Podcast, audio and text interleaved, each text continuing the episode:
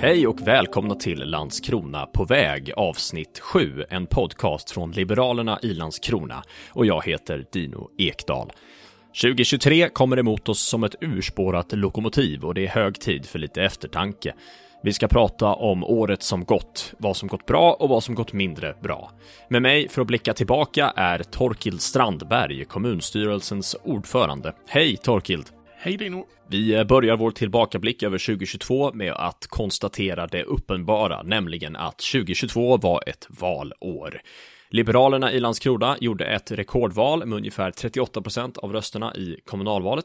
Du brukar kalla val för ditt OS. Vad säger du den här gången då, Torkel? Tog eller Landskrona guldmedalj? Kanske inte guld, men nära på i alla fall. Det är så nära man kan komma. Och det är rätt. Jag, jag är eh, vanvettigt förtjust i eh, att delta i och att iaktta val. Jag åker ofta och tittar på valkampanjer utifrån. Ja, det finns någon tjusning i detta som är lite svårt att sätta ord på. Men resultatet på valnatten den 11 september eh, överträffade mina eh, högsta och största förhoppningar. Så visst kändes det som jag tror ett höjdhoppsguld känns på OS. Jag har aldrig provat det. Men i regionerna och i riksdagen så är läget kanske mer dystert. Liberalerna åkte ur regionfullmäktige i hela sju regioner. I riksdagsvalet förvisso så görs ju en monumental återupphämtning från opinionsläget under den tidiga våren 2022. Men eh, jämfört med föregående valresultat så backar vi ju även här. Siffrorna ser alltså dystra ut på sina håll. Va vad vill du säga till resten av eh, L-Sverige, Torkild, med det här i, i bagaget? Vad behöver vi göra för att ha bättre förutsättningar nästa val helt enkelt? Framförallt tror jag att man kan inte ha en sån mandatperiod bakom sig som vi hade när vi gick till val i år. Där vårt parti på, på alla upptänkliga vis har signalerat att vi inte är internt överens om, om väldigt basala saker. Man kan inte förvänta sig skaror eller horder av väljare när man internt inte blir överens om vad som är definitionen på en bra regering till exempel. Det kunde vi inte den här gången, även om, precis som du säger Dino, att eh, Johan Persson gjorde en, en fantastisk eh, upphämtning i valrörelsens slutspurt. Vi bytte partiledare, Nyamko Sabuni fick aldrig chansen att möta väljarna och motarbetades väldigt hårt internt i partiet på vissa håll. Man kan inte möta väljarna med det i bagaget. Med allt detta sagt, det tror jag, det här håller på att finna sin lösning. Eh, kamplusten internt svalnar och, och folk koncentrerar sig på att utföra sitt politiska hantverk. Eh, men med det sagt så måste man också, tror jag, definiera vår roll i politiken. Vad finns Liberalerna till för? Vilka är våra stora eh, problem och utmaningar som vi ser eh, måste lösas framöver? Eh, det, jag tror vi måste göra ett ganska grundläggande arbete kring vad vår roll på scenen i svensk politik ska vara. Efterdyningarna av valet i Landskrona har i alla fall lett till att Treklövern med ett mandats marginal har egen majoritet i kommunfullmäktige. Och här vill jag understryka hur pass sällsynt det är att ett minoritetsstyre överlever i så många år som Treklövern har gjort, men också att det sen övergår till ett majoritetsstyre med egen majoritet alltså. Va, vad är det som har, hur har det här kunnat ske? Vad har varit succéfaktorerna? De är nog många, eh, men för det första är det nog att eh, vi är en gruppering partier och människor som under en lång följd av år har lärt känna varandra och har hanterat politiska frågor på ett respektfullt sätt. Eh, vi har inte tvingat igenom frågor i konstellationen utan att alla på ett eller annat sätt har känt sig bekväma med den politik som vi för. Det har varit grund, grundbulten i detta har nog varit ett respektfullt förhållningssätt till varandra. Men sen har det också varit en tydlig politisk agenda. Vi har eh, pekat på Landskronas problem och på Landskronas utmaningar. Vi har lanserat åtgärder, förslag eh, på hur man ska komma till rätta med de problem vi har haft Eh, och också genomfört dem. Eh, politiken har inte bara varit prat och pamfletter utan det har funnits ett innehåll och en genomförande förmåga som kanske inte alltid är, är så påtaglig. Tycker du att det är skönt att lämna valrörelsen bakom dig som ju till stor del består av just pamfletter och, och vallöften och, och utsvävningar? Ja, men en valrörelse är ju också matchen. Det är då man mäts och vägs på, på det man har gjort under fyra år och det är då eh, man får chansen att presentera sin vision och vilja för åren som kommer. Så en valrörelse är något alldeles speciellt för, för oss som är eh, intresserade av detta. Men det dagliga hantverket som i, idag en onsdag i eh, ett gråkulet december, eh, när, när det som har skrivits och utlovats också ska genomföras i praktiken, är eh, det väl det som känns som min eh, hemmaarena. Kriget har återvänt till Europa i en skala vi inte sett sedan andra världskriget. Den 24 februari invaderade Ryssland Ukraina och världen reagerade med chock, men också med beslutsamhet. I Sverige fick kriget Socialdemokraterna att ändra sin mångåriga linje och med en ny riksdagsmajoritet bakom det så har vi nu beslutat att vi ska med i NATO. Hur har kriget märkts av här i Landskrona, Torkild?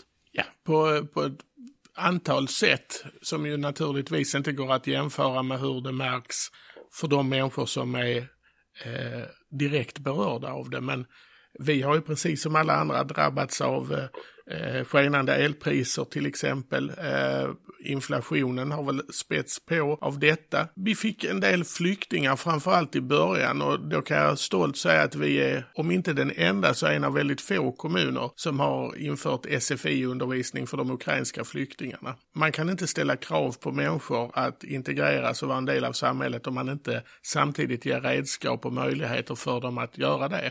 Och därför var det för oss självklart att införa SFI för, eh, för de flyktingar som har kommit hit. En av dina största framtidsfrågor har länge varit det så kallade Europaspåret, en föreslagen fast järnvägsförbindelse mellan Landskrona och Köpenhamn. Och 2022 har sett många segrar för Europaspåret, till exempel före detta infrastrukturminister Thomas Eneroth öppnade upp för att alla alternativ, alltså inklusive Europaspåret, ska utredas. Dina många besök i Danmark har mötts av en större grad av optimism och Lunds kommun deklarerade faktiskt i år att de också står bakom bakom Europaspåret. När vi blickar tillbaka kommer 2022 att vara Europaspårets år.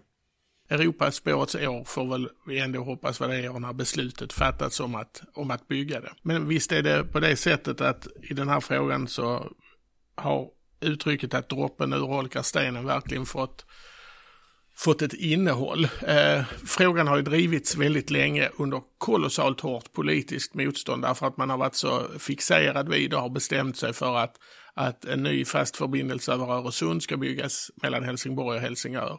Och egentligen på, på inga grunder alls. Det är precis som du säger att i, i det år som vi håller på att lämna så har, har eh, attityden till den här förbindelsen eh, stegvis förändrats. Eh, Eh, infrastrukturministern eh, öppnade för att titta på frågan. Flera kommuner, Lund och eh, även Svalöv, har sagt att det finns någonting i vårt förslag som, som faktiskt är bra. Det är alldeles utomordentligt. Jag är övertygad också om att klimatfrågan kommer att verka i vår riktning. Det är inte längre rimligt att frakta enorma mängder gods på, på lastbilar. Vi behöver bara ge oss ut på eller vid E6an för att inse vilken orimlighet detta är. Och när runt 2030, när en ny fast förbindelse öppnar mellan Tyskland och Danmark, eh, eh, den så kallade Fehmarn Bält-förbindelsen, så kommer massor med gods att ha möjligheten att flytta över från, från lastbil till järnväg. Men någonstans ska ju det här godset ta vägen och eh, det finns idag inte det utrymme som krävs mellan, mellan Malmö och Köpenhamn på bron eh, för att frakta eh, en massa nytt järnvägsgods. Eh, och mellan Helsingborg och Helsingör kommer det inte att vara möjligt att frakta, frakta järnvägsgods. Och då eh, för klimatets skull och för infrastrukturens skull och för, för svensk exportindustris skull så kommer, eh, kommer man att titta på Europaspåret på ett helt annat sätt än vad man hittills har gjort. Det är jag övertygad om. Jag tror inte alls att Helsingborg tappar någonting. Tvärtom så tror jag att Helsingborg kommer att tillhöra de riktigt stora vinnarna med Europaspåret. Om man ska ta tåget från, från Helsingborg till Köpenhamn Eh, Eh, så tar det eh, en ganska god stund, eh, över 40 minuter att göra med den förbindelse som man skisserar mellan, mellan Helsingborg och Helsingör. Medan en helsingborgare som sätter sig på ett tåg och åker Europaspåret Landskrona-Köpenhamn gör det här på drygt 20 minuter. Det är en väldigt stor skillnad så att en av de riktigt stora vinnarna restidsmässigt Eh, och det kan ju vara helt avgörande om man till exempel pendlar till ett jobb eller en skola eller, eh, eller någonting annat. Eh, det är helsingborgarna. Så att helsingborgarna är, tillhör Europaspårets stora potentiella vinnare.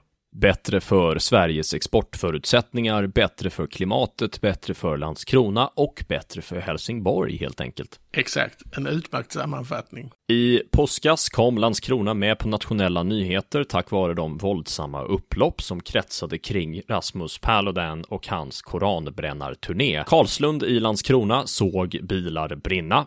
Upploppsmakarna kastade sten mot polis och anlade flera bränder på en väg i området med ungefär ett hundratal deltagare med barn så unga som 12 år bland dem. Hur reagerade du på händelserna i, i påskas och vad är det för problem som de här våldsamheterna bottnar i?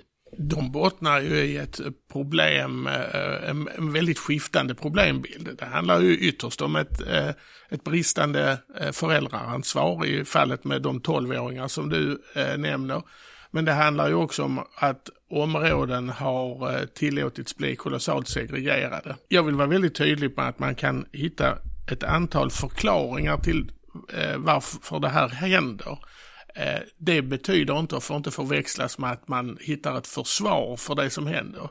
Min, min uppfattning är väldigt tydlig, att varje människa bär ett stort och tydligt eget ansvar för sina egna handlingar oavsett eh, det, kring, eh, det kringliggande samhället. Det vill säga att man, man kan inte eh, använda att man bor i ett utanförskapsområde eller ett segregerat område som ursäkt för att man kastar sten på polisen. I min bok duger inte det. Däremot kan det ju finnas förklaringar i den riktningen. Vi genomför ju nu ett, ett, ett, ett massivt omdaningsarbete i, i Karlslundsområdet där vi blandar boendeformer, vi förändrar infrastrukturen så att det inte blir en kalla det en ändstation i, i stadsdelen. Eh, vi gör ganska genomgripande förändringar av, av det mesta i området och jag tror att det ger förutsättningar eh, för ett mycket bättre Karlslund på några års sikt. Men med det sagt så hänger det ju också på de människor som, som bor där. Någonstans är det ju ett eget val att, att kasta sten eller låta bli att kasta sten på polisen. Och väsentligt fler måste göra det senare. Men under samma år som påskupploppen så fick vi ju också nya glädjande siffror faktiskt från Brottsförebyggande rådet om att antalet anmälda brott per 100 000 invånare sjunkit så mycket som 34 procent sedan 2009. Är inte det här två till synes motsägelsefulla saker, alltså upplopp och radikala minskningar i antalet brott över tid. Va vad är det som försiggår egentligen, Torkel? Jag tror att den långsiktiga och den, den trenden, eh, det är att eh, Landskrona blir tryggare, det begås färre brott än vad det har gjort tidigare. Sen finns det ett antal eh, händelser, specifika händelser där Rasmus Paludans besök var en sådan, eh, som triggar någonting annat och som, som leder till en, en, en explosion av eh, otrygghet och eh, olagligheter. Men om man tittar på den långsiktiga trenden så är det tveklöst så att de strukturella förändringar som görs i Karlslund och som görs i hela Landskrona innebär ett, en tryggare stad tillsammans med allt det arbete som, eh, som staden och polisen gör tillsammans.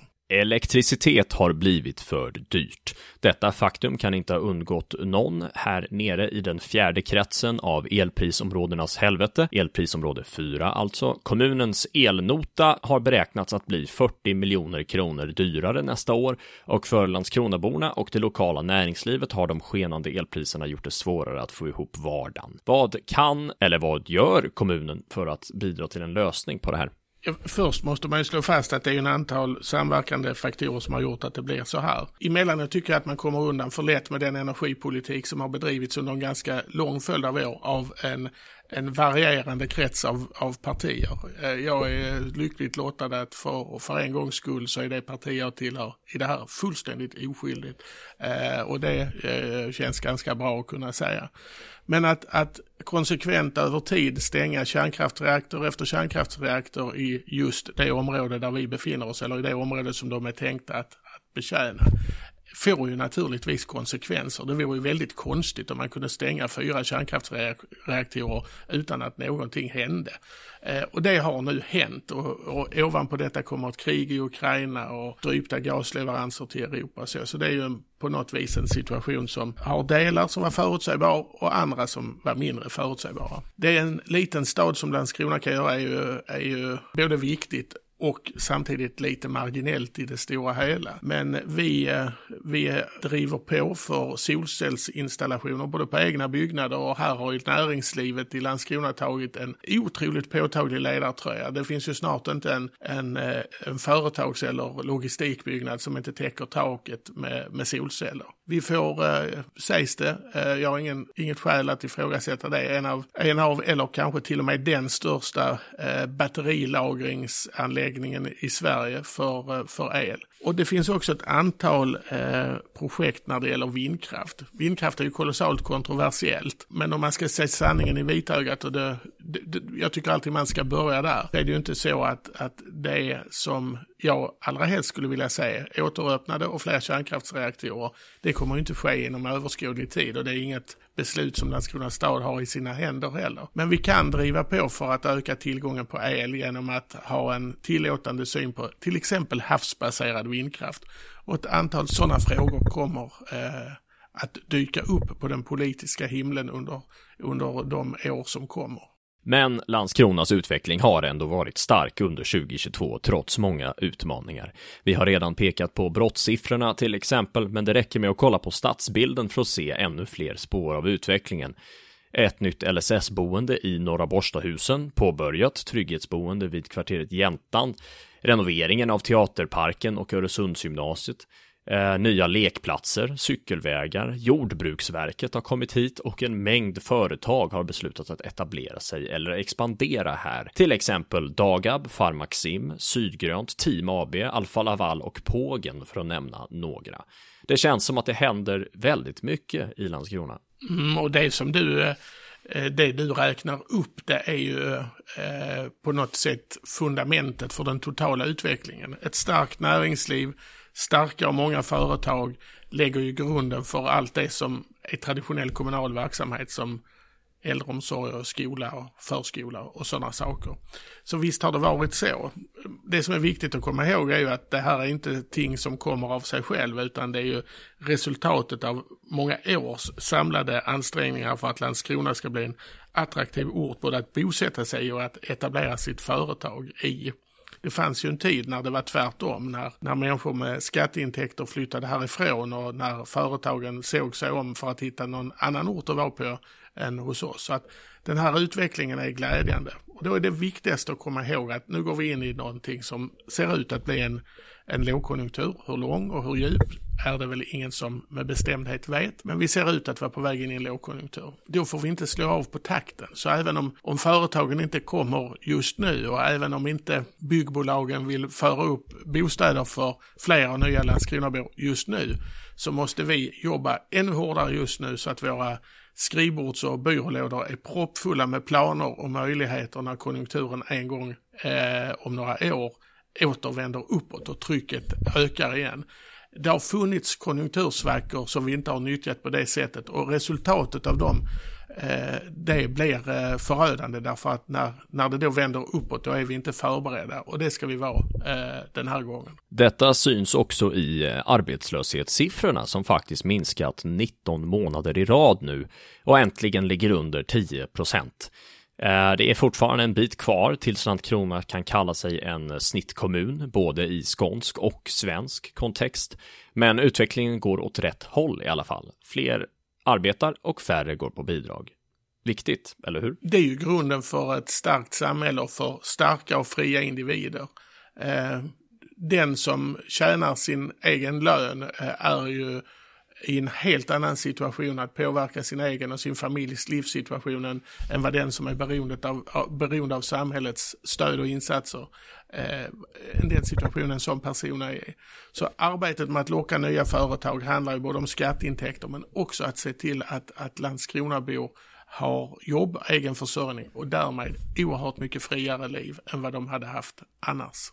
Det var alltså kommunstyrelsens ordförande Torkild Strandberg här i Landskrona och jag heter Dino Ekdal. Landskrona på väg produceras av Liberalerna i Landskrona och podden finns där poddar finns. Om du har någon fråga du jättegärna vill att vi ska ta upp så kan du mejla till landskrona.liberalerna.se. Tack för att du har lyssnat. Vi hörs eh, nästa gång, men tills dess, kom ihåg, mycket må vara gjort, men det finns mycket kvar att göra. Landskrona är på väg. Gott nytt år hörni!